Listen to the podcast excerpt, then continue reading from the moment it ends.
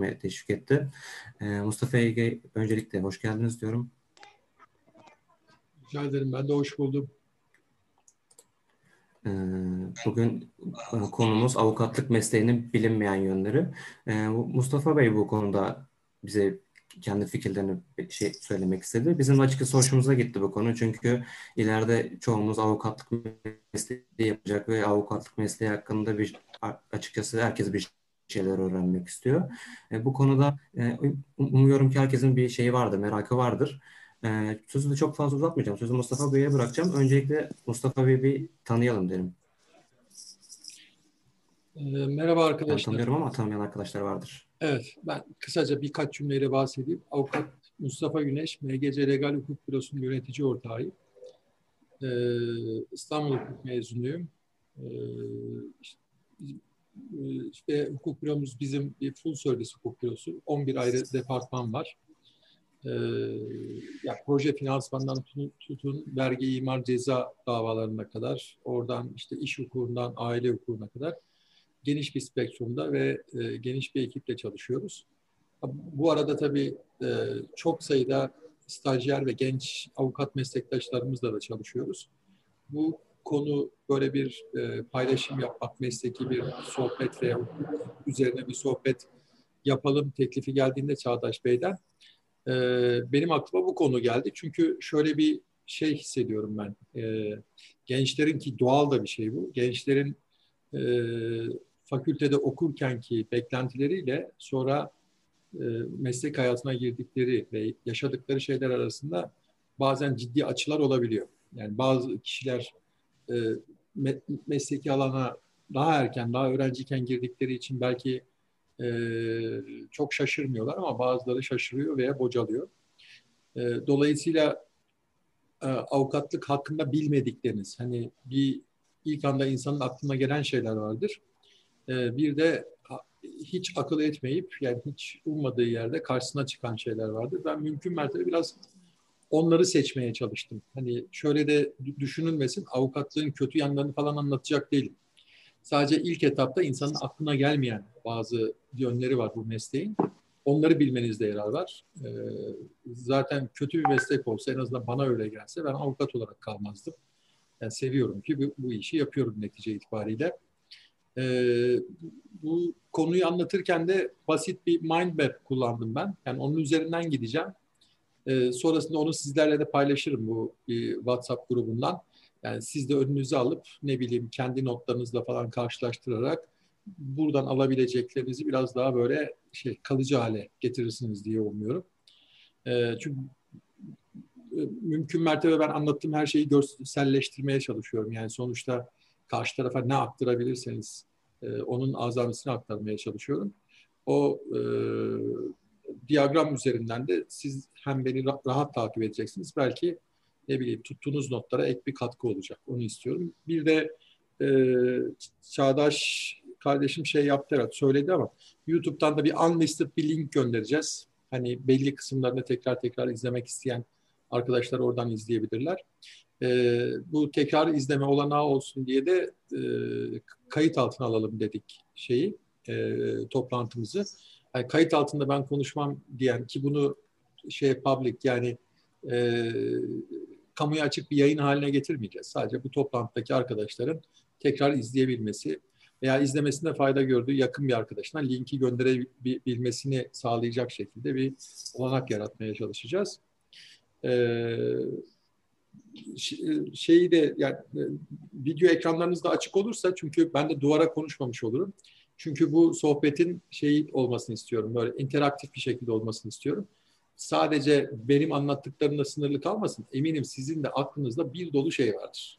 Böyle irili ufaklı, çok detay gibi görünen e, ama e, kafanızı bir şekilde meşgul eden e, onları da lütfen paylaşın. Yani burada biz bizeyiz. E, sonuçta rahat olmanızı tavsiye ederim. Paylaşırsanız en azından e, sadece benim aklıma gelenler değil, yani sizin kafanızı meşgul eden şeyler üzerinde de durmuş oluruz. Daha verimli bir e, oturum geçirmiş oluruz diye umuyorum. Ben şimdi size bir ekranımı paylaştıracağım.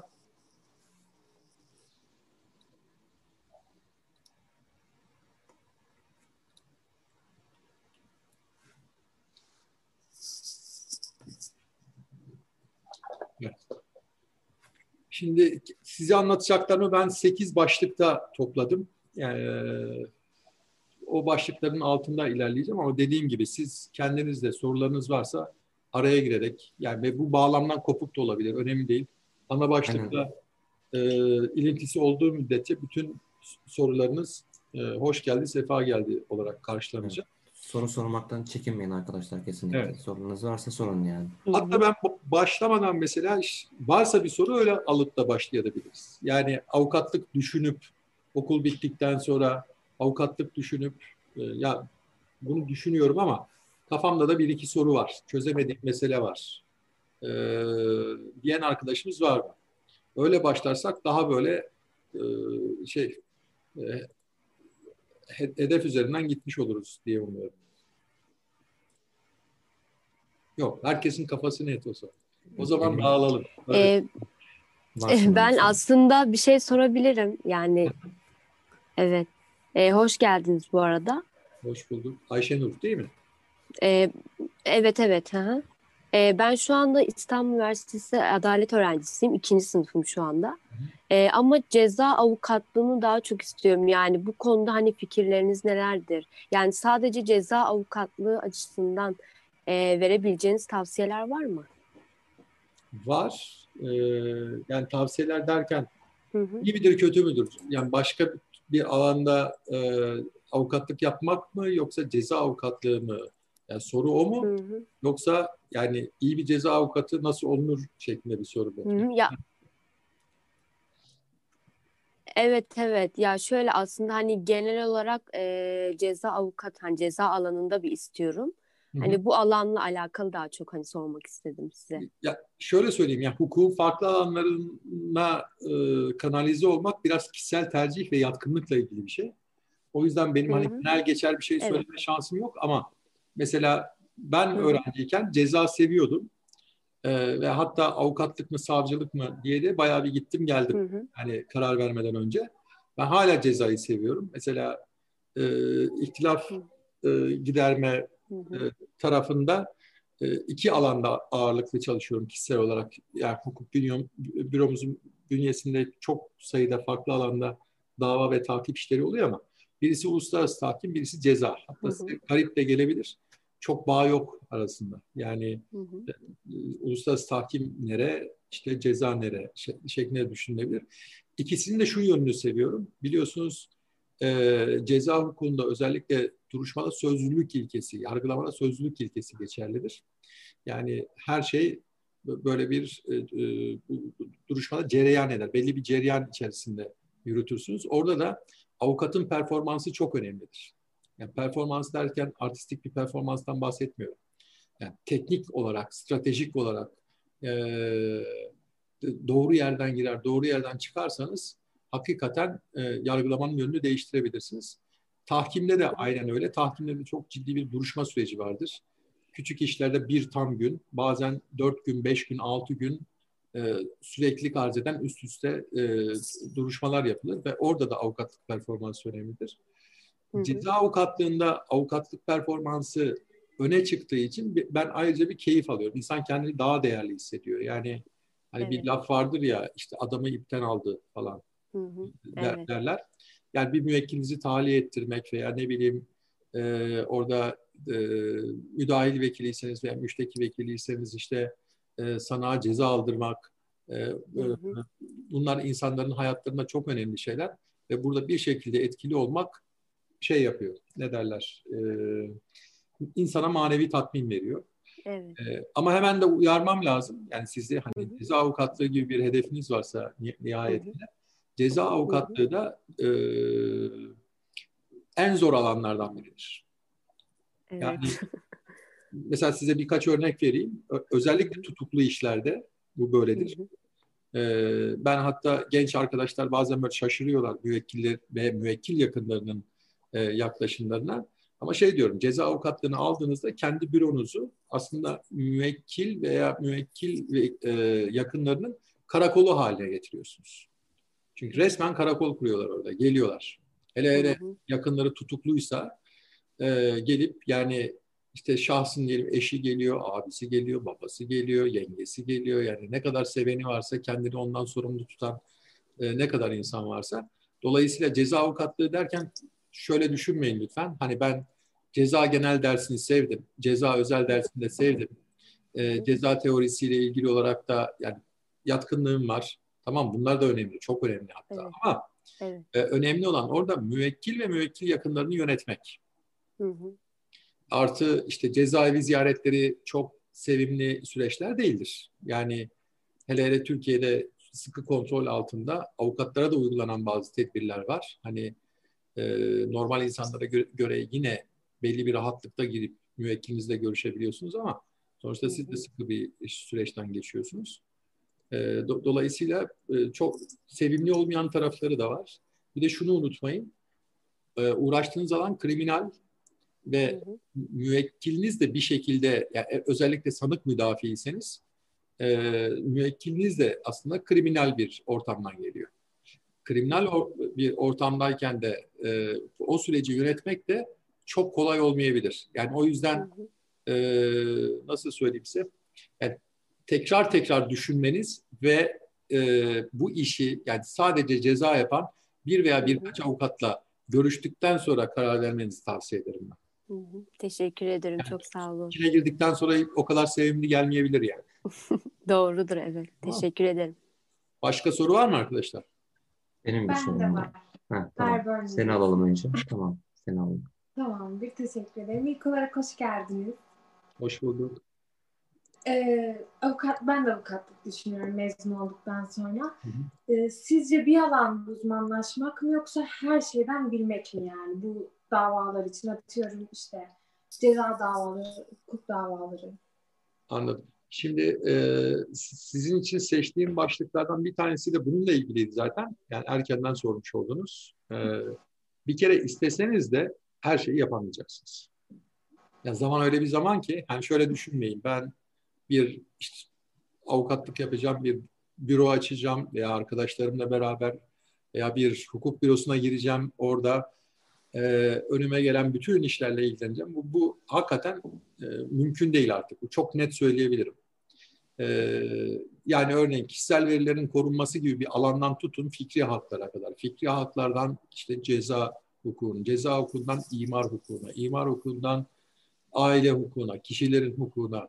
Yani say say bitmez. Yani bütün bunları bir arada böyle çok iyi bilen, çünkü e, insanlar da sonuçta işini iyi bilen uzman avukatlarla çalışmak istiyorlar. Doğal, doğru olan da bu. Bütün bunları iyi bilmeniz e, mümkün değil bir kere. Yani prensip itibariyle zaten mümkün değil. O yüzden hani böyle bir e, e, nasıl söyleyeyim her türlü alanda çalışacağım diye bir hedef önüne koyan bir arkadaş varsa tez zamanda o hedefinden vazgeçsin. Çünkü o mümkün değil. Kendine bir veya birkaç alan seçsin derim. Ee, ama e, gençlerde şöyle bir şey de oluyor tabii. Hani denemeden de bilemem ki gibi bir fa- fa- haklı bir kaygı oluyor. Güzel. O zaman da geniş kadrosu olan hani büyük portföyle çalışan çok sayıda ihtilaf veya ihtilaf yöneten veya iş yürüten e, bir hukuk bürosunda başlarsanız en azından hani bir departmanda siz çalışırken sağdaki soldaki departmanlarda da işte ne olduğunu bilirsiniz. Bir fikir sahibi olursunuz. Hatta orada şey ekipte bir üyeye ihtiyaç duyarlarsa e, gönüllü olursunuz. Yani ben de bu alanda olmak istiyorum diye bir tadına bakarsınız. Yani ama e, şeyi yani bırakın hani önermeyi zaten mümkün görmüyorum ben. Yani her alanda çalışmak diye bir şey bugün artık mevzu bahis değil. Yani 1930'ların 40'ların Türkiye'sinde belki olabilirdi belli ölçüde.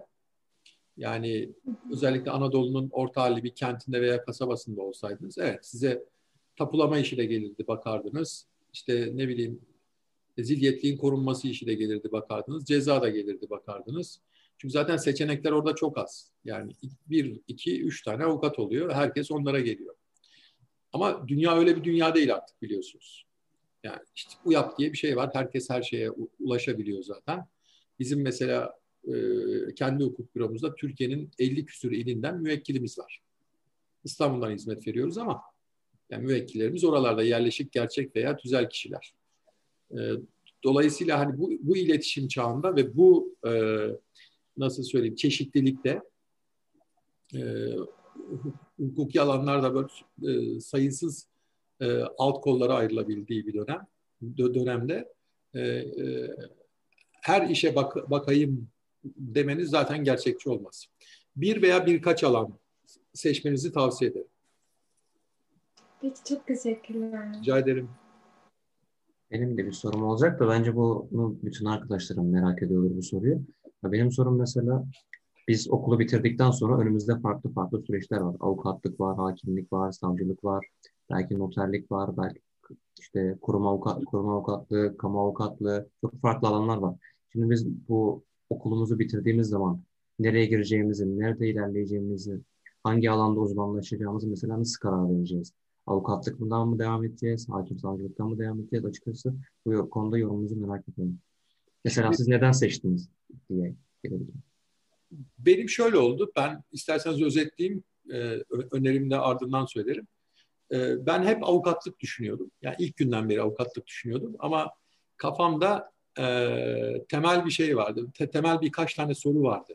Yani Türkiye'de avukatlığın, avukatlık mesleğinin algısı e, çok da doğru değil. Yani e, birçok gelişkin ülkedeki e, ile karşılaştırıldığında da mesleki itibar açısından da biraz sıkıntı var diye düşünüyorum ben. Yani hala o konuda şikayetçi. Yani mesleğin içinden birisi olarak da e, şikayetçiyim. O yüzden tereddütlerim vardı ve bir süre savcılıkla şey arasında gittim geldim. Ne derler? Avukatlık arasında gittim geldim. Ama öncesinde mesela noterliği elemiştim kendimce. Ee, noterlik bana şey gibi geliyor. Çok statik bir iş. İşte hani bir oturuyorsunuz. E, işlemlere hiçbir şekilde bir tarafında durmayıp e, yerinizde oturup insanların işlemlerini bir şekilde düzenliyorsunuz. Ya işte evrak suret tasdiği yapıyorsunuz ya imza tasdiği yapıyorsunuz. Çok sınırlı sadece işte düzenleme şeklinde düzenlenen belli sözleşmelerde de e, resmi şekilde tabi bazı işlerde de düzenleme şeklinde tasdik işlemi yapıyorsunuz. Belki orada biraz yaratıcılık olabiliyor. Yani metni siz yazıyorsunuz falan filan belki. Ama bana çok statik gelmişti. Bir de sorumluluğu da büyük bir iş. Hani sanıldığı gibi değil. Yani belki insanlar en rahat noterlik zannediyorlar ama e, özellikle mali ve cezai sorumluluğuna baktığınızda hiç de öyle değil. E, o yüzden hani noterlik çok düşündüğüm bir alan değildi. Hakimlik bana e, şey gibi geldi. Yine bana pasif geldi. Yani küçümsemek anlamında söylemiyorum bana da şey diyeceksiniz hani sen sen çok atak mıydın ki? Yani yok ben de öyle çok atak biri değildim aslında ama hani kişisel ölçütlerim açısından e, bir de bir yerde bir özdeyiş okumuştum. Siz de belki duymuşsunuzdur. Şöyle bir laf vardır. E, hakim iki tarafında gayet iyi bildiği bir gerçeği yeniden keşfetmek zorunda olan bir zavallıdır. Çünkü hakikaten baktığınızda bu, bu laf doğru bir laf. E, niye? Çünkü e, şu, ben de yaşayarak da gördüm yani artık mesleğin içinden de gördüm. E, şunu görüyorsunuz. E, iki tarafta aslında neyin ne olduğunu gayet iyi biliyor. Yani taraf olarak bakıyorlar olaya, yanlı bakıyorlar. Ama üç aşağı beş yukarı biliyor. Herkes kendi zaafını, güçlü yanını da biliyor. E, nerede haklı olduğunu, nerede haksız olduğunu da biliyor. Bir yere kadar yani çünkü bir öznelliğin getirdiği bir kırılma da söz konusu orada. Ama aslında biliyor. Yani hakimden daha fazla biliyorlar. Hakim ne yapmak zorunda? İşte iki taraf asil var. Yanlarında vekilleri var. Onlar habire bir şeyler anlatıyorlar. Başka başka resimler çiziyorlar. O ise yani alıp buradan hakikaten gerçeği bulmaya çalışıyor. E, iki tarafında bildiği bir şeyi yani Amerika'yı yeniden keşfeder gibi yeniden bulmaya çalışıyor. Aslında bir yönüyle yeni bir şey yapmış olmuyor. Bir şeyi değiştir, değiştirmiyor aslında. E, bu yönü de bana açıkçası sıkıcı gelmişti. Yoksa saygın bir meslek hatta yani şey yaratıcılık yok gibi de anlamayın lütfen. Hani problem çözme tekniğini nasıl devreye koyduğunuza bağlı olarak çok böyle yaratıcı yöntemlerle iş, işte yapabilirsiniz. Yani hakimlik sırasında yargılamayı öyle de yürütebilirsiniz.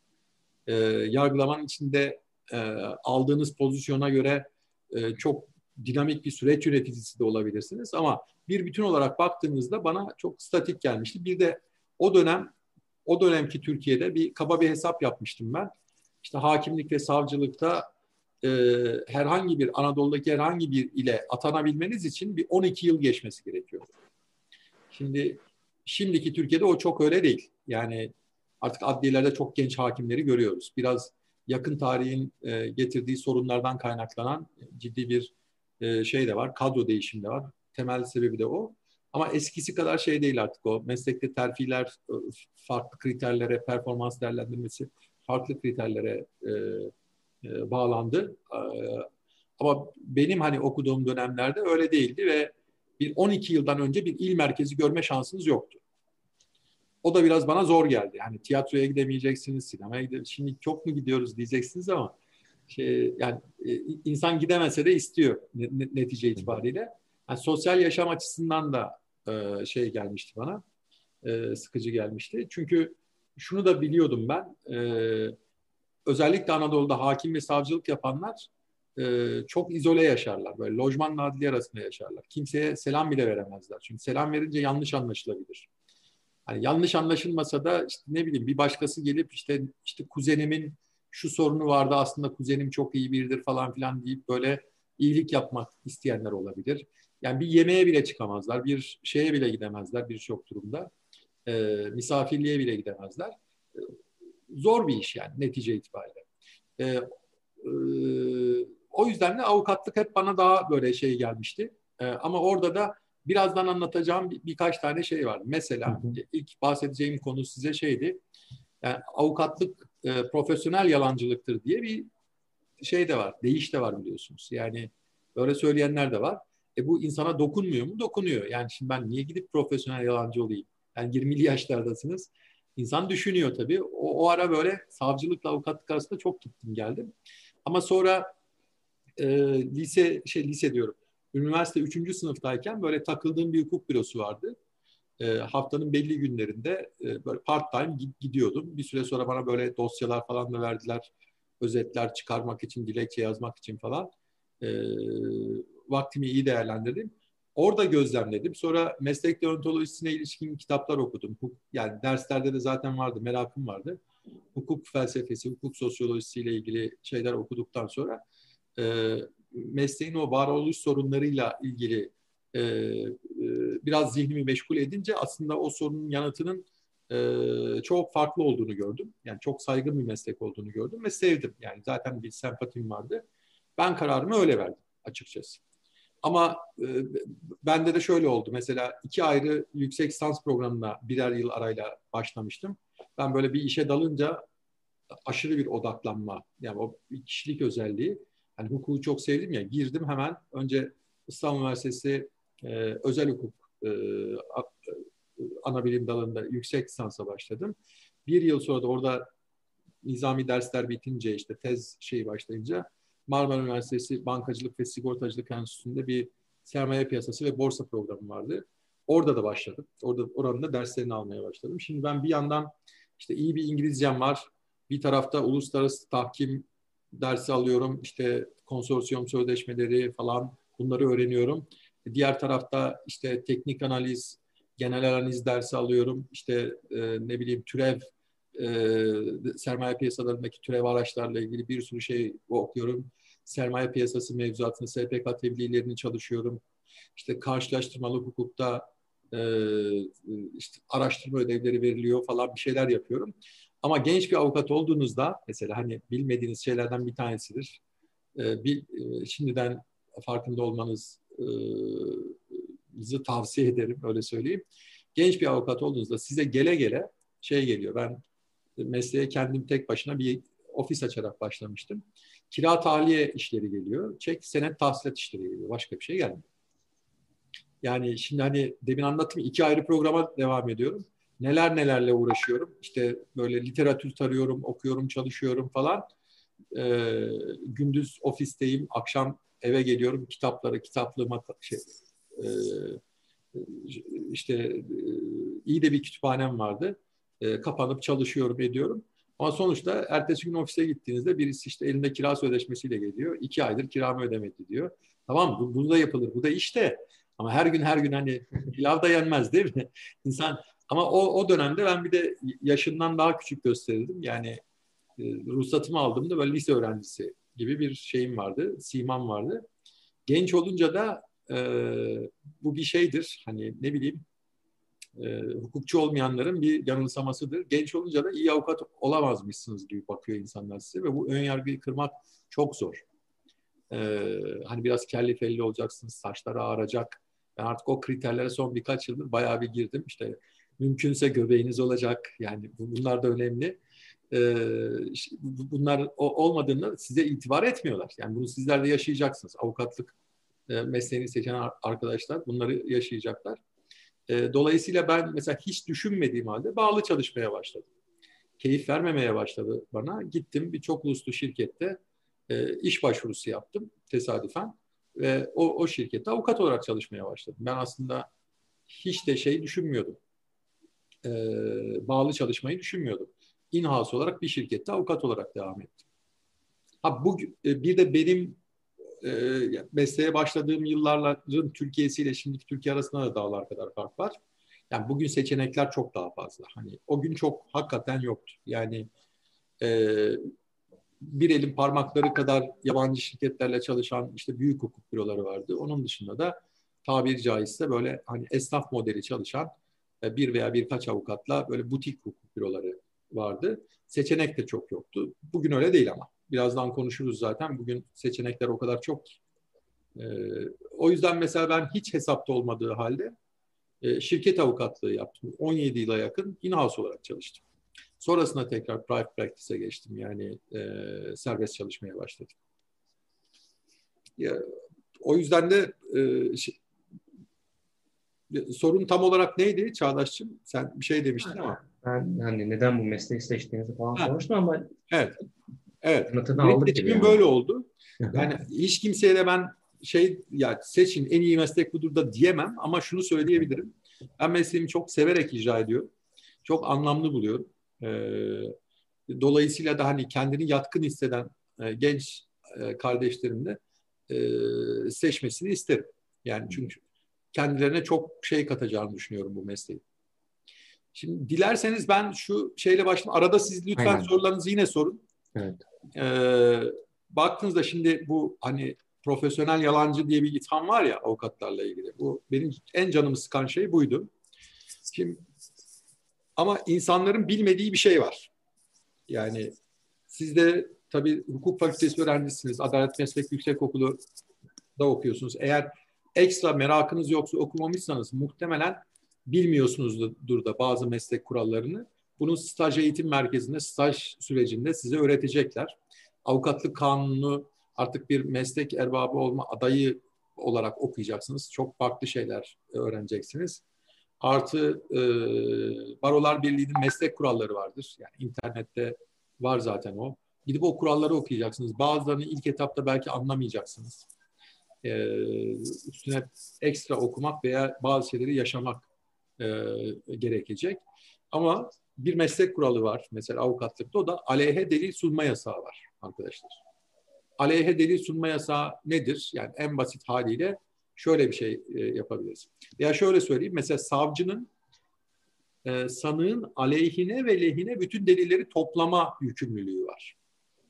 Yani savcı müdde umumi eski deyimle kamu adına iddia makamı e, sanı, sanığın da belli hakları var o işte gerçeğin peşinde e, giderken e, yani ilk soruşturma dediğimiz evrede e, şunu yapıyor. Bütün delilleri topluyor. Yani tek yanlı kalmıyor. E, hem sanığın lehine olabilecek şeyleri hem de aleyhine olabilecek şeyleri e, not ediyor, delillendiriyor.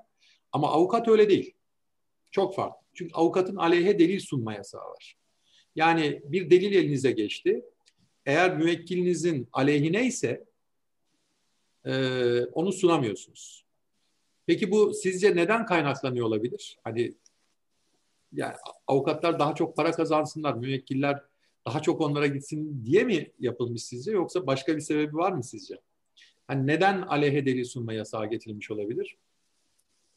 E, avukatla müvekkil arasındaki e, bazı gizlilik esasları Aynen. olduğundan dolayı mı yoksa? Aynen. Aynen. Ona çünkü buna bağlı birazdan onu da anlatacağım. Sır saklama yükümlülüğü de var avukatın. Hı hı. Müvekkilin evet. kendini rahat hissetmesi için e, doğruları olduğu gibi söyleyebilmesi için av, avukatlık mesleğinde bir sınır getirmişler. Bunu zaman içerisinde bulunmuş. Yani Batı dünyasında evrilerek gelmiş bu şey.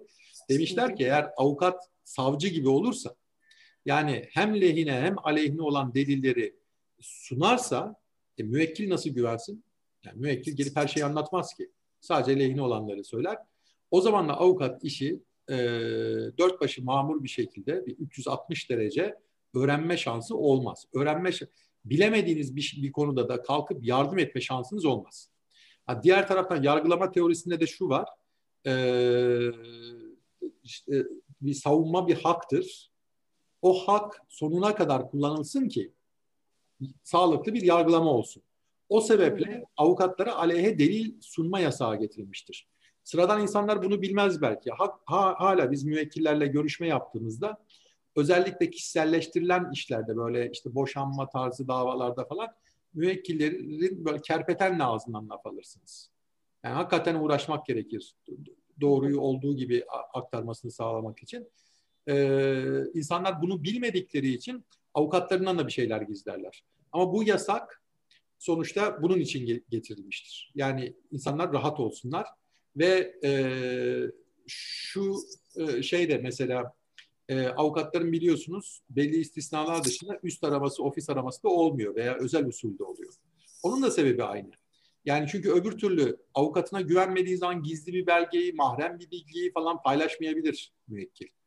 Ama alabildiğine kamunun da güvencesi olsun ki bu avukatının e, işte belli bir, bir ölçüde dokunulmazlığı da var. Dolayısıyla benim ona em, e, emanet edeceğim sırlara bir şey olmayacak şeklinde bir güven duyabilsin diye e, bunu getirmişlerdir. Dolayısıyla iki Hı. tane e, yükümlülük e, altına giriyor avukatlar. Bir, aleyhe delil sunma yasağı var. İki, sır saklama yükümlülüğü var. Hı. Bu ikisi de şeye dönük. Müvekkiller kendilerini rahat hissetsinler ve gerçeği paylaşabilsinler. E, şimdi bu aleyhe delil sunma yasağı da söz konusu olunca da siz doğal olarak şey yapamıyorsunuz. Ee, siz, elinizde bir delil geçiyor veya müvekkilin bir ikrarı oluyor. Bunu söyleyemiyorsunuz. Şimdi bunu söyleyemediğinizde de teknik olarak da bakınca tabii e, sadece bir şeyi ters yüz etmek, çarpıtarak anlatmak değil, eksik anlatmak da yalandır biliyorsunuz. Yani o anlamda tırnak içinde siz yalan söylemiş oluyorsunuz. Ama bu mesleki bir zorunluluk. Ve o yüzden de ben hatta bunu arkadaş çevresi içerisinde eskiden böyle genç yaşlarda e, takılıp söyleyenler olunca ya işte yalancı avukatlar falan filan denince ben hemen şöyle bir savunmaya geçerdim. Derdim ki avukatlar yalan söylemez. Olsa olsa müvekkilinin yalancısıdır. Olsa olsa müvekkilinin yalancısıdır. Yani çünkü müvekkil size bir şey söylüyor. Onu tabii ki e, tahkik etmek, araştırmak tutarlı mı değil mi onu yapıyorsunuz ama bunu sorgulamak bizim işimiz değil. Yargılamak hele hiç değil.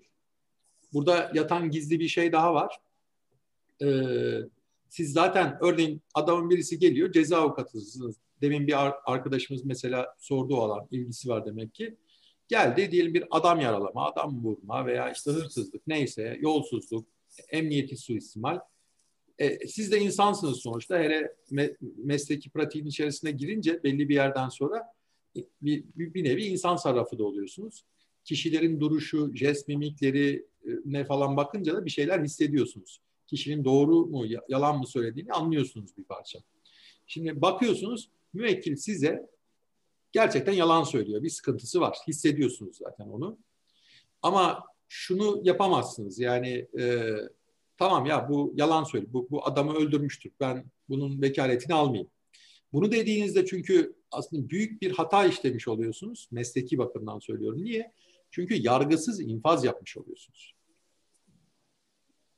Yani siz kalkıp bir konuşmadan veya bir veya birkaç toplantıdan bir ön yargıya e, ulaşıp ondan sonra o kişi hakkında bir sonuca ulaşıyorsanız bu, bu, bunun da sağlıklı olduğunu söyleyemezsiniz. Ha, yargılama teorisinde ne var? Hani sizde alan dersleri arkadaşlar varsa hukuk felsefesinde anlatılır zaten. Yani yargılama üç saç ayağı üzerinde kurulur. Tez, antitez ve sentez. Biz duruma göre ya tez ya antitez oluruz. O taraflarda dururuz avukatlar olarak. Sentezi yapmak zaten şeydir, hakimin görevidir. Dolayısıyla burada sağlıklı yargılama ancak ve ancak sonuna kadar işleyen savunma hakları yani sonuna kadar işleyen işte bütün imkanları kullanan bir iddia makamı veya e, hukuk yargılamasına baktığınızda işte davacı taraf, sonuna kadar haklarını kullanan bir sanık veya işte bir hukuk yargılamasında davalı taraf, bu ikisi e, özgür ortamda ve bütün imkanları silahların eşitliği prensibine uygun bir şekilde de e, cereyan edecek ki ondan sonra hakim bakacak gerçeği bütün yönleriyle. Yani taraflar mesela belli yönleri abartarak da göstermiş olabilirler ama yine de kıymetlidir. Gerçeğin bir parçasıdır. Hakim bütün yönleriyle görecek ve e, ona göre karar verecek. İşte o zaman adalet te- tecelli edebilir. Edebildiği kadar edebilir. Ama siz kalkar zaten müvekkilinizi daha ilk toplantıdan veya birkaç görüşmeden sonra ya bu zaten yalan söylemiş falan derseniz zaten siz yargısız infaz yapmış oluyorsunuz. Mesleki açıdan da büyük bir hata işlemiş oluyorsunuz.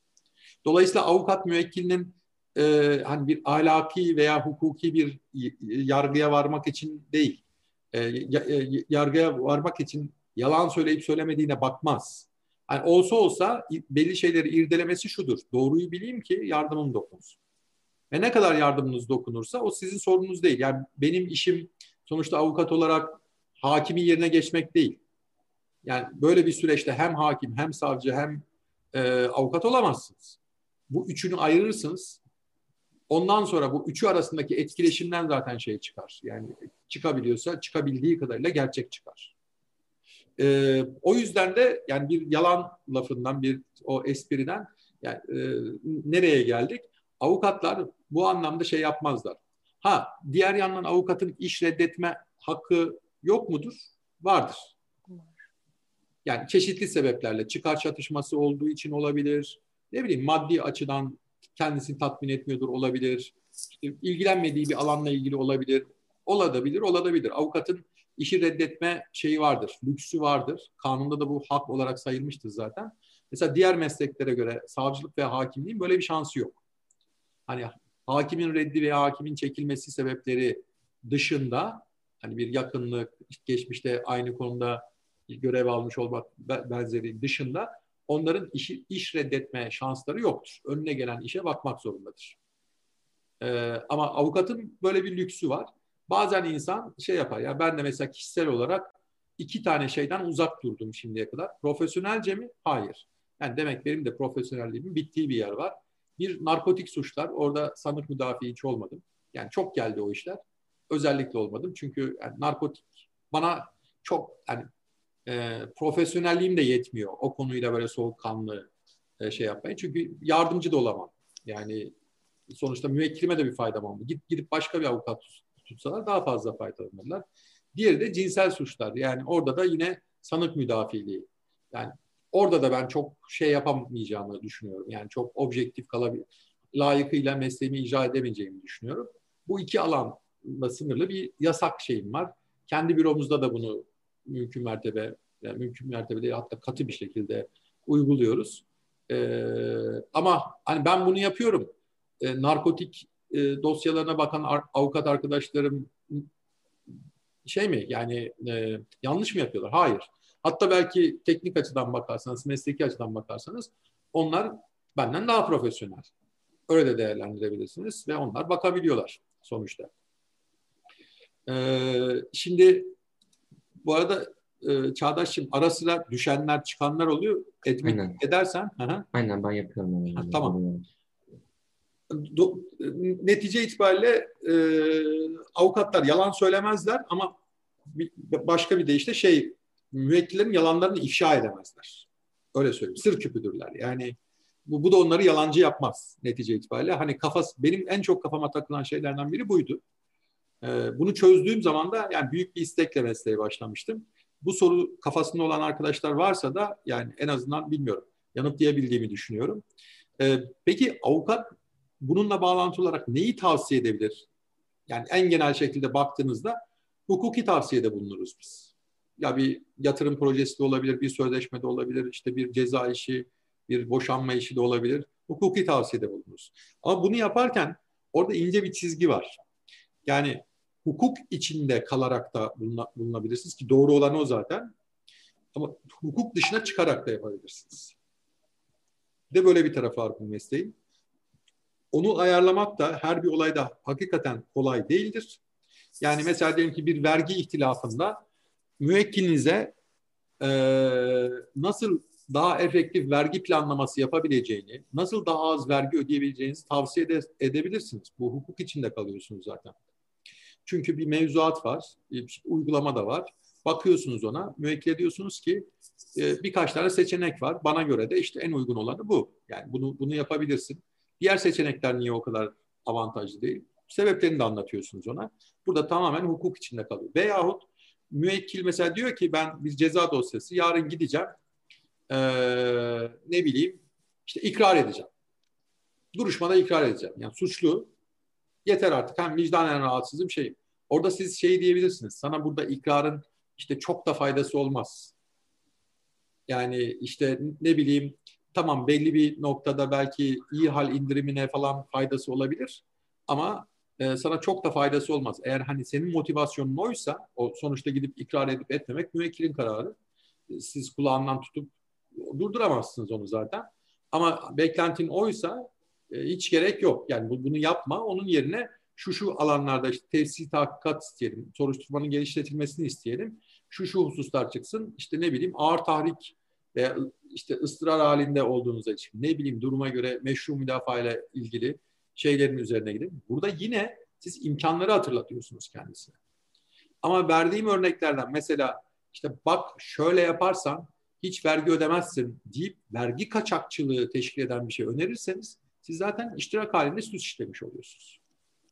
Bunu da zaman içinde göreceksiniz. Yani onun çizgisi de ince bir çizgidir. Hani bir yanda şu var, avukatın aleyhe delil sunma yasağı var, tamam, güzel. Hani müvekkil size güvenecek, sırrını verecek. Ama yani bu bu şu anlamada gelmiyor.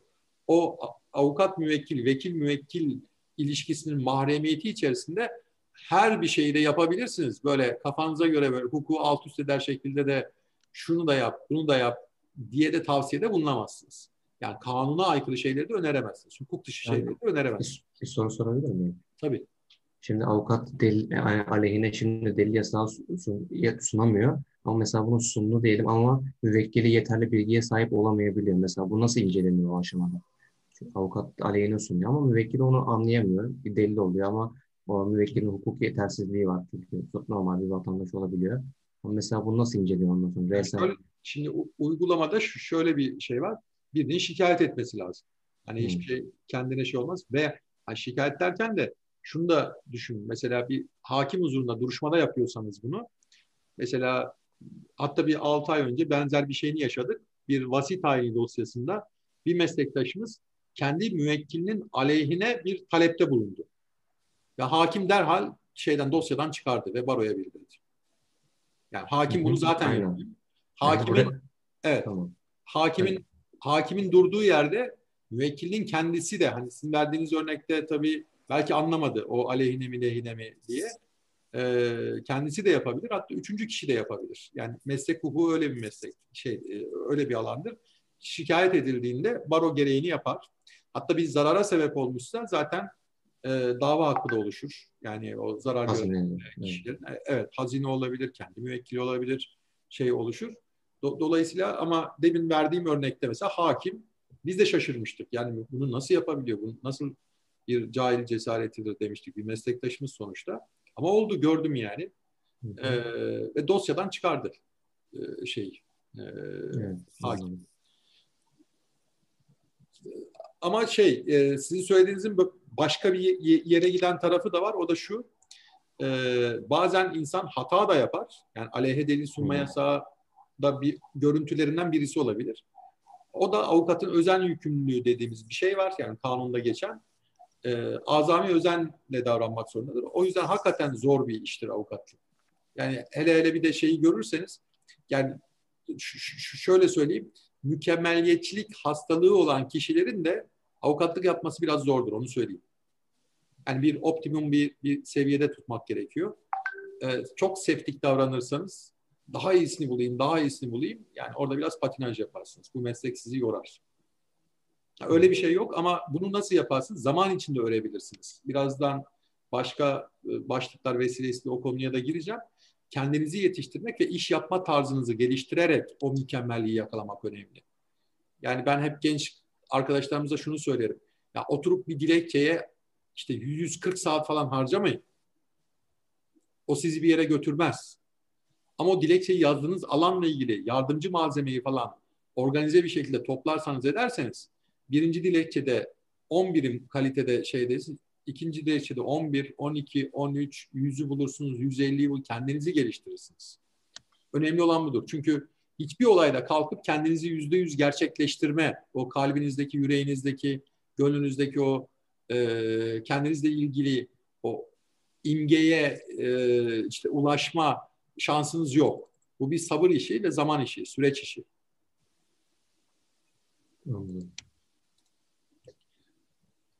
Bir diğer mesela bir yanılgı daha var arkadaşlar. Mesela avukatlara hafızlardan yani hukuk öğrencilerine öyle söylerler. Hani hukuk okuyorsa hafız falan derler. Yani, Kanun ezberliyorsun derler. Yani. Evet yani ama siz herhalde o orayı biraz geçtiniz. Yani Evet.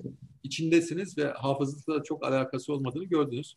E aranızda az miktarda hafız varsa da bir an önce vazgeçsinler bence. Yani o, o öyle bir yol yok. Ee, o yol yol değil yani da- daha doğrusu. Ee, Dolayısıyla herhalde hepimiz mutabık kalırız ki iyi hafızdan iyi hukukçu çıkmıyor. Peki kimlerden iyi hukukçu çıkıyor? Güçlü analitik olan. yaklaşımı olanlardan. Evet. Yani bir konuyu çözümleme yeteneğiniz varsa artı e, farklı şeyler arasında aradaki bağlantıları kurma beceriniz yüksekse e, çünkü insan e, zihni de öyle işliyor zaten. Yani e, bağlantılarla işleyen bir yanı var. Bütün mesele kasların gelişiminde öyledir ya. Yani bir kasta bir bağ şeklindedir, bir demet şeklinde. Yani kaslar güçlenirse, bağ dokuları daha güçlü, sayıca fazla olursa daha güçlü birisi oluyorsunuz.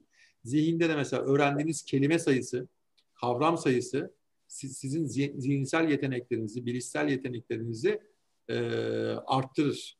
Şimdi do- dolayısıyla hukuk öğrenme ve e, süreci de öyledir. Yani aradaki bağlantıları kuru, kurarsanız ki bunu da nasıl yapabilirsiniz? Sağlam bir formasyonla yapabilirsiniz. İyi bir formasyon alırsanız. Yani önemli olan atıyorum e, karayolları trafik kanunundaki X konusunu bilmek değil.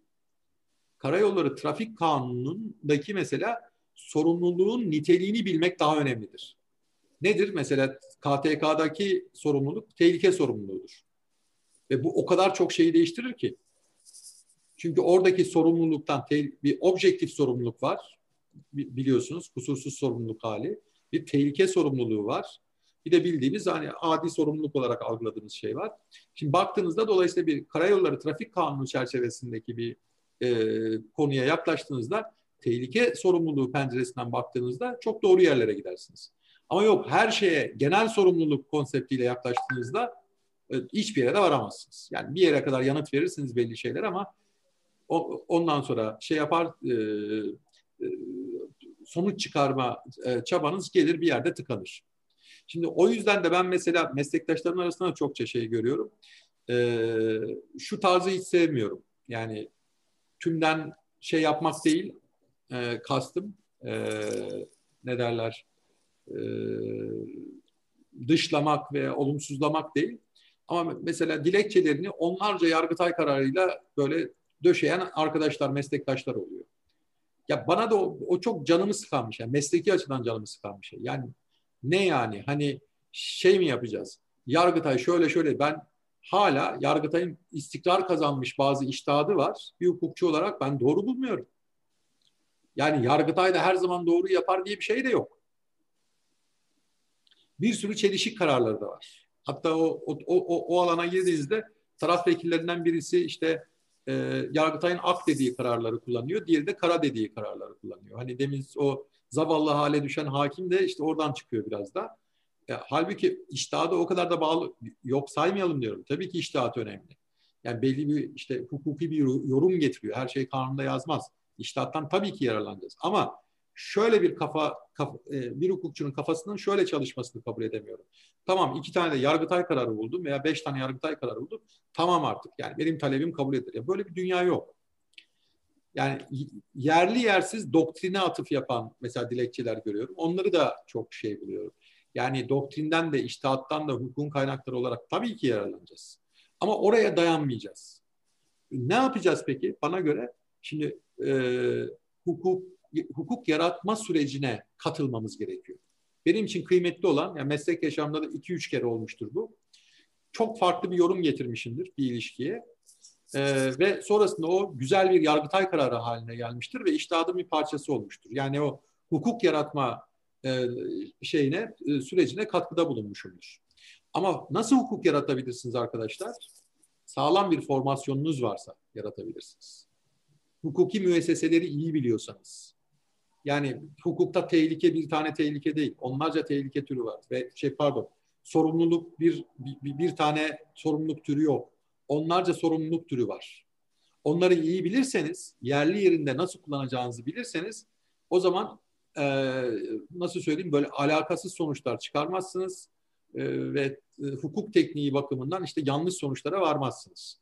O yüzden de ben şeyi önemsiyorum. Yani hafızlık kesinlikle değil zaten mesleğimiz. Yani bunu şu kadarlık e, tecrübeyle siz de anlamışsınızdır zaten. Hele hele hani kanun maddelerini ezberlemek falan. Benim hayatım boyunca öğrenciliğimde şey, öyle bir çabam olmadı zaten. E, zamanla bazı maddeleri o kadar kullanıyorsunuz ki atıyorum işte medeni kanun madde 2. Yani milyon kere kullandıktan sonra artık şey oluyorsun. Hatta bizim dönemimizde medeni kanun madde 1'di. Bir, bir, bir sürede belli bir sürede şey hep hata yapıyorduk. MKM madde 2 yazacağımıza madde 1 yazmaya bir süre daha devam ettik biz dinozor avukatlar. Ama yani sonuçta medeni kanun maddeyi milyon kere kullanmışsın kalıyor aklınızda. Ee, veya işte ne bileyim e, herhangi bir sorumluluk haline ilişkin, zaman aşımı sürelerine ilişkin işte borçlar kanunundaki maddeler. Onlar onlarca, yüzlerce, binlerce kere kullanınca zaten kalıyor. Ama öyle madde numarası ezberlemek, madde metnini ezberlemek e, size hiçbir şey katmıyor. Herhalde aa katıyordu, şimdi de katmadığını öğrendim diyen arkadaş da yoktur aranızda. Var mı aranızda? Şimdi bunca konuştuktan sonra zaten herhalde var deyip çıkan çıkan da olmaz ama. ters düşen olmaz sanırım şu an evet. Yok. Bir de mesela sizin aklınıza gelmeyen başka bir şey söyleyeyim. Böyle bir şey duydunuz mu duymadınız mı bilmiyorum ama e, bel, belki de tanık da olmuş olabilirsiniz. Avukatların bir masraf konusunda biraz takıntılıdırlar. Yani neyi kastediyorum? Şunu kastediyorum. Mesela müvekkillerde de biz de Türk milleti olarak çok pratiğiz ya. Ee, şey olmuştu mesela bir, bir toplantıda bu alışveriş merkezlerinin meşhur bir ortak giderler nasıl dağıtılmalı şeklinde bir sorunsalı var. Ee, son yıllarda çokça şey oldu. Sonra 65-85 sayılı perakende ticaretin düzenlenmesi hakkındaki kanuna da girdi. Sonra alışveriş merkezleri yönetmeliği çıktı falan. Ben de yürüdüm koştum. Yürüyüş koşu yaptım. Sen ağzına bakın ama dövdüm şey, yoksa moderat, seni. Moderatörü şey edebilir mi? Evet, şu an nereden? Bir dakika. Heh, tamam. Evet. Bazen tümünü mühit edersen şey toplu çünkü göremeyebiliyorsun. Tamam. tamam. Evet. Ee, insanlar çünkü şey bazen unutuyor hakikaten şeyde evet, evet. olduğunu.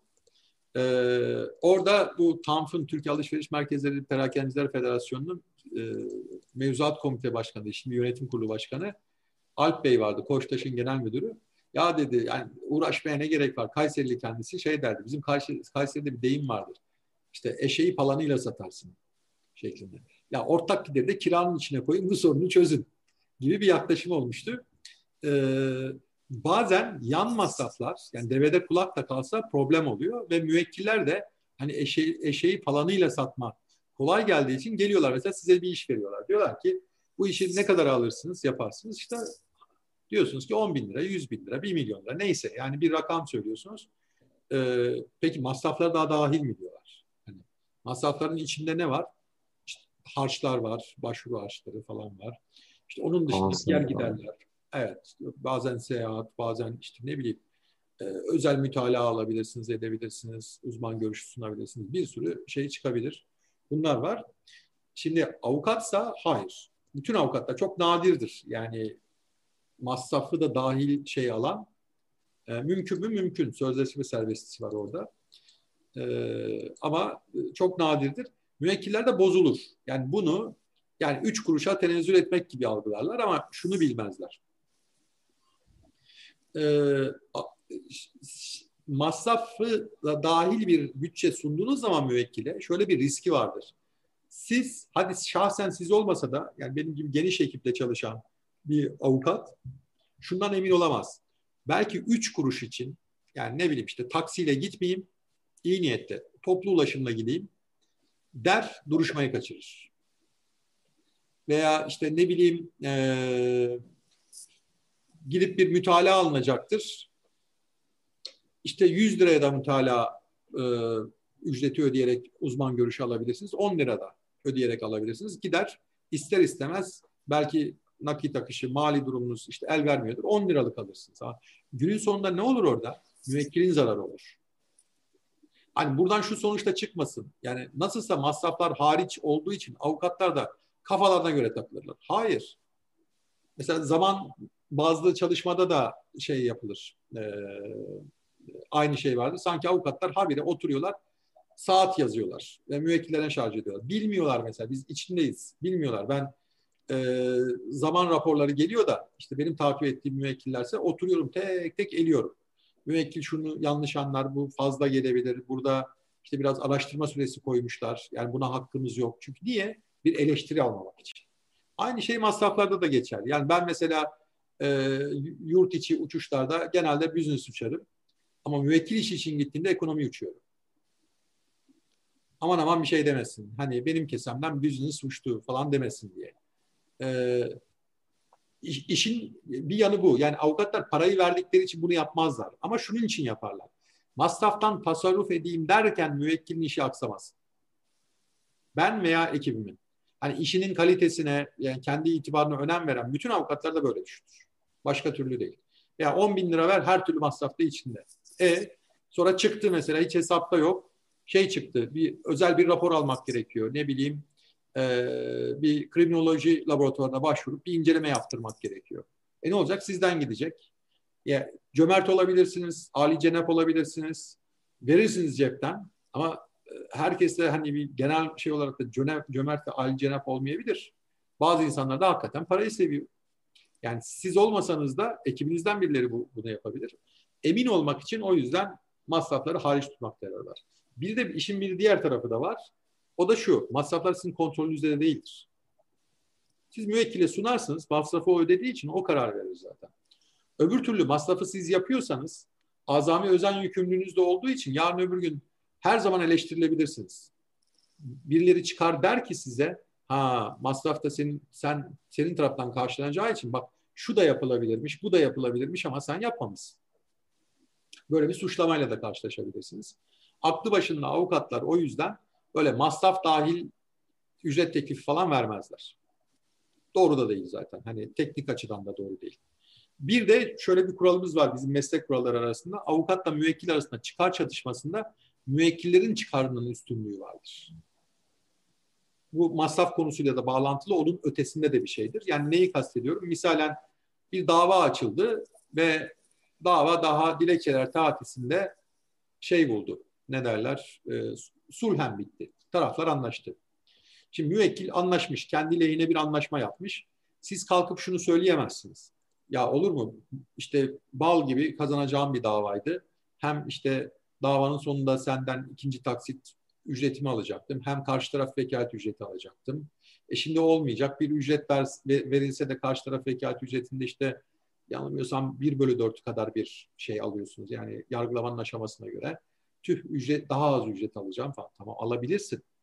Ama avukata orada bir iç karmaşası yaşamaması için e, meslek kurallarıyla bir kural konmuş, bir talimat verilmiş, emir verilmiş. Denmiş ki hiç kafan karışmasın. Sen de insansın ama kafan karışmasın. Sen e, müvekkilinle senin çıkarının çeliştiği yerde kesinlikle ve kesinlikle müvekkilin çıkarını takip edeceksin. Bu da bize bir talimattır. Yani bir, bir kuraldır. E, dolayısıyla bu e, masraf içinde ücret teklifi falan yaptığınız zaman da bu işler çok karışır. O yüzden de ondan kaçınmak gerekir. Bunlar mesela ben birkaç tane şey örnek verdim. Eminim e, genç kardeşlerimiz avukatlık mesleğini değerlendirirken böyle şeyleri hiç düşünmüyorsunuz bile muhtemelen. Hani önünüz, ama bunlar bunlar geliyor önünüze. Başka bir şey gelmiyor. Onu söyleyeyim ben size. Bunları yaşıyorsunuz. Biraz bir görünmeyen yüzü gibi biraz biraz mesleğin görünmeyen yüzü gibi yani. Aynen. Yani, çıkacak ama. Aynen. Yani şimdiden duymak biraz daha o yüzden avantajlı olabilir. Bunu hazırlamak için kendimizi. Yani herkes zaten e, bir mesleği seçtiği zaman bir hayali takip ediyor çoğu zaman. Benim de kendime göre hayallerim vardı. O hayallerin bir kısmı gerçekleşti, bir kısmı olmadı. Ama e, baktığımda hani şu az önce bahsettiğim masraf ücretin içinde midir değil midir bunları hiç düşünmedim ben. Yani. Ama çok da önemli kararlar. Bunu da zamanla genç bir avukatken yap, yapıp edip görüyorsunuz. Sonra işte meslek kuralları, işte etik değerlerle falan da bir hassasiyetiniz varsa, kendinize dikkat ediyorsanız, vakarınızı, itibarınızı korumak gibi bir derdiniz varsa bunlara kafa yoruyorsunuz ve öğreniyorsunuz zaman içerisinde. Önce böyle bir lafsi öğreniyorsunuz, sonra yaşayarak öğreniyorsunuz. Ama bun, bunları da iyi yapmadan, bu, bu süreçleri iyi yönetmeden de iyi avukat olunmuyor. Onu söyleyeyim ben size. Hani bu şeye benzemiyor. Suits'teki neydi? Mike mıydı? Mark mıydı? Şey, şu sahte diplomalı Harvard'lı. İzleyen varsa bilmiyorum da ben izledim. Mike. Mike, evet. Mike. İzleyen varmış onu. Hayret, herkes izlemiştir gibi geliyor bana ama bayağı izlemeyen varmış. Ee, yani hayat işte Mike'ın hayatı gibi geçmiyor. Yani böyle otistik seviyede bir zekası var, fotoğrafik bir hafızası var, her şeyi çözüyor, ediyor falan. Avukatlık öyle bir şey değil netice itibariyle. Bir şey daha var. Yani bilip bilip avukat bir aslında kısmen konuştuk. Bir arkadaşımızın sorusu üzerine. Her şeyi bilir mi? Bir kere kesin kes hemen şunu söyleyemem. Hayır, bilemez. Mümkün değil. Yani ben bir ara şey yapmıştım, bir çalışma yapmıştım. Bir e, eğitim programı hazırlamak için bizim e, büroda. Sadece hukukun alanlarını saymıştım ama birkaç yüzü geçtikten sonra vazgeçtim. Temel alanlarla sınırlı kalayım dedim. Çünkü öyle bir klasifikasyon çok artık şey olmuyordu. Ne derler? E, feasible olmuyordu, anlamlı olmuyordu. E, temel alanlarla sınırlı kalarak işte bir müfredat program yap, e, yapmakta karar kıldım. Yani yüzlerce, binlerce e, farklı alanlara ta- taşmış hukukta da her şeyi bilmek hakikaten mümkün değil. Artı e, bugün mesela şöyle söyleyeyim size e, e bir 15 yıl önce falan ben başka bir hukuk bürosunda şeydim. 12 yıl falan olacak herhalde. E, ortaktım. Ve hukuk bürosu da bir kural geliştirmişti ki ben bir hani boşanma avukatı da değilim. Aile hukukunda da çok bir şeyim yok yani uzmanlığım yok. Genel geçer e, kurallarını bilirim ama işte belli temel prensipler vardır. Ben orada litigation partner'dım. Yani da, dava bölümünün başındaydım ve e, hukuk bürosunun bir prensip kararı vardı. Boşanma davası almıyoruz. Gerekçesi çok yorucu ve para getirmiyor. Hani de, uğraştığınıza değmiyor. Yani onlar da öyle bir ilke kararı almışlar kendilerinden, kendilerince. O tabii belli bir tarihte bazen öyle olur. Belli bir tarihte o karar alınmış sonra da unutulmuştur. Niye alındığı unutulmuştur. Bazen öyle olur organizasyonlarda. Ben şey why not dedim. Yani neden olmasın? Yani niye almıyorsunuz? Tartıştım onlarla. E dedim ki bakın dedim. Öyle diyorsunuz da artık 2002'den sonra edilmiş mallarda birlik rejimi var. Ee, bir beyaz yakalı genç bir 20'li yaşlarında karı kocada bile işte bir araba oluyor. İşte 30'da falan gelmişse çoğu zaman işte bir ev oluyor, bir yazlık oluyor. Şimdi bunları üst üste koyduğunuz zaman atıyor bugünkü rakamlarla söyleyecek olursam 200 bin lira bir araba, işte 800 bin milyon bir daire, etti 1 milyon, 1.2 milyon, bir yazlık 300-500, 1.5 milyon bir şey. Yani aslında küçük çaplı bir şirket. tamam mı? Hani onu da tasfiye ediyorsunuz çünkü. Mal rejimi tasfiye davası var. Ha onların ezberini yani bozmuş ve e, aile hukukuna ilişkin boşanma davalarında e, alır hale gelmiştik. Ama inanın bir mesela bu örneği şunun için verdim. E, bir boşanma davasında örneğin diyelim ki bir işletme var. Bir büfe işletiyor veya ne bileyim bir AVM'de ayakkabı dükkanı işletiyor şey falan. O tasfiye süreci o kadar sancılı oluyor ki onun değerlemesi, değerinin tespiti, şuyu buyu falan filan derken e, dolayısıyla en basit işlemde dahi hani boşanma davası biraz şey gibi düşünülür. Psikolojik yükü fazladır. Müvekkilinize işte geri gelir mentörlük yapmak zorunda kalırsınız. İşte bir nevi koç gibi hatta hatta bazen böyle psikolog gibi durmanız gerekir falan. Ee, onunla çok da böyle sempatik bir ilişki geliştirmeden çok e, özdeşleşmeden ama onu da anlamak, bazen dinlemek, sadece dinlemek gerekir falan. Tamam bunlar işin güçlükleri ama diğer tarafta teknik tarafında da bir sürü güçlük var. Dolayısıyla bir, bugün artık bir boşanma davasını bile tek bir avukatın yürütmesi çok zor. Bir hacim de var. Yani bir yanda şunu söylemeye çalışıyorum. Bir yanda alabildiğine çeşitlenmiş hukukun farklı alanları, bir yanda en basit ihtilaflar bile kendi içinde zaten ciddi bir hacim, hacim içeriyor. O yüzden de tek başına bunları yapmanız çok mümkün değil. Ve bir de e, mesela şey örneğini vereyim. Bir eski bir üstadımız bana şey demişti. E, ya bu e-mail çıktı. İşler önce kolaylaştı ama sonradan da geometrik bir şekilde artmaya başladı. Eskiden atıyorum 2-3 e, tane iş yaparken şimdi e-mailler yüzünden onlarca işle muhatap oluyoruz. Doğru. Hızlandırıyor. Katalizör yani dijital. Şu an mesela biz işlerimizin önemli bir kısmını işte Teams üzerinden, WhatsApp üzerinden, işte toplantılarımızı Zoom üzerinden, Webex üzerinden bunları kullanarak yapıyoruz. Peki bunlar hayatımızı bir yanıyla kolaylaştırıyor mu? Kolaylaştırıyor. Yani biz şu toplantıyı Covid'den ötürü böyle yapıyoruz aslında ama diyelim fiziki bir toplantı olsaydı ne olacaktı? Herkes oturduğu evden, okulundan, işinden gelecekti bir yere. Ben de işte ofisimden çıkacaktım, gidecektim oraya. E, ciddi bir zahmete, zamana falan mal olacaktı. Öyle bir araya gelecektik. Şu an gayet rahat işte duyurduk, bir araya geldik. Bu kolaylık bu kolaylık. Ama sorun bana mesela bugün kaç tane toplantı yaptım diye. Toplantı sayısı işte günde 3, 4, 5 iken 8, 9, 10, 11'e çıkıyor bu defa. Yani şey böyle ilginç bir şekilde hayat boşluk tanımıyor. E, böyle baktığınızda da yani kalkıp örneğin basit bir boşanma davasında bile oturup hem doktrin araştırmasını yapmak, hem e, iştahat araştırmasını yapmak, oturmak, konuyla çalışmak, görüşmek gereken, e, yapılması gereken görüşmeler varsa o görüşmeleri yapmak falan. Bu, bunlar çok da mümkün değil. Yani bir kişinin yapması çok mümkün değil. Dolayısıyla da mutlaka ve mutlaka bir ekip çalışması gerekiyor. Zorunlu artık. Bunun bir yanı da her şeyi zaten bilemediğimiz için.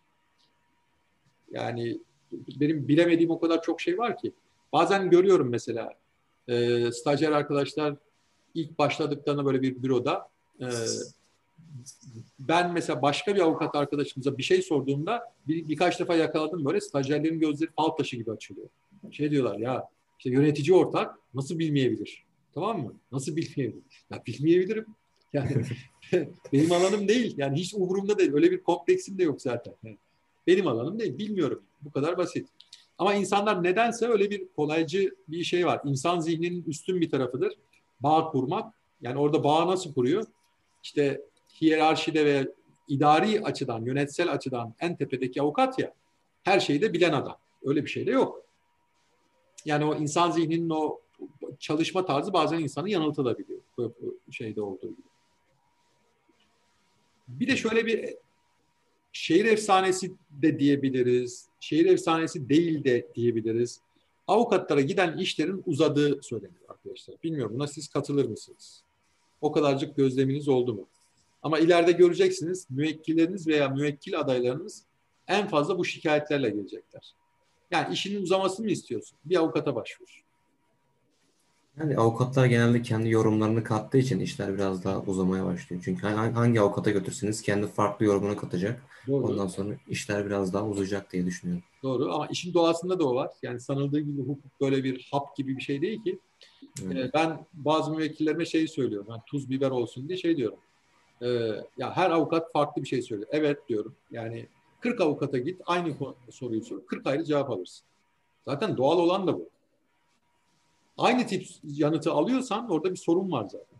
Hani kastım tabii ki şey değil. Atıyorum ne bileyim şufa hakkını kullanmaktaki işte hak düşürücü süre nedir falan değil. Hani böyle e, belli rakamlar süreleri falan kastetmiyorum ama yorum kaldıran bir konu sor.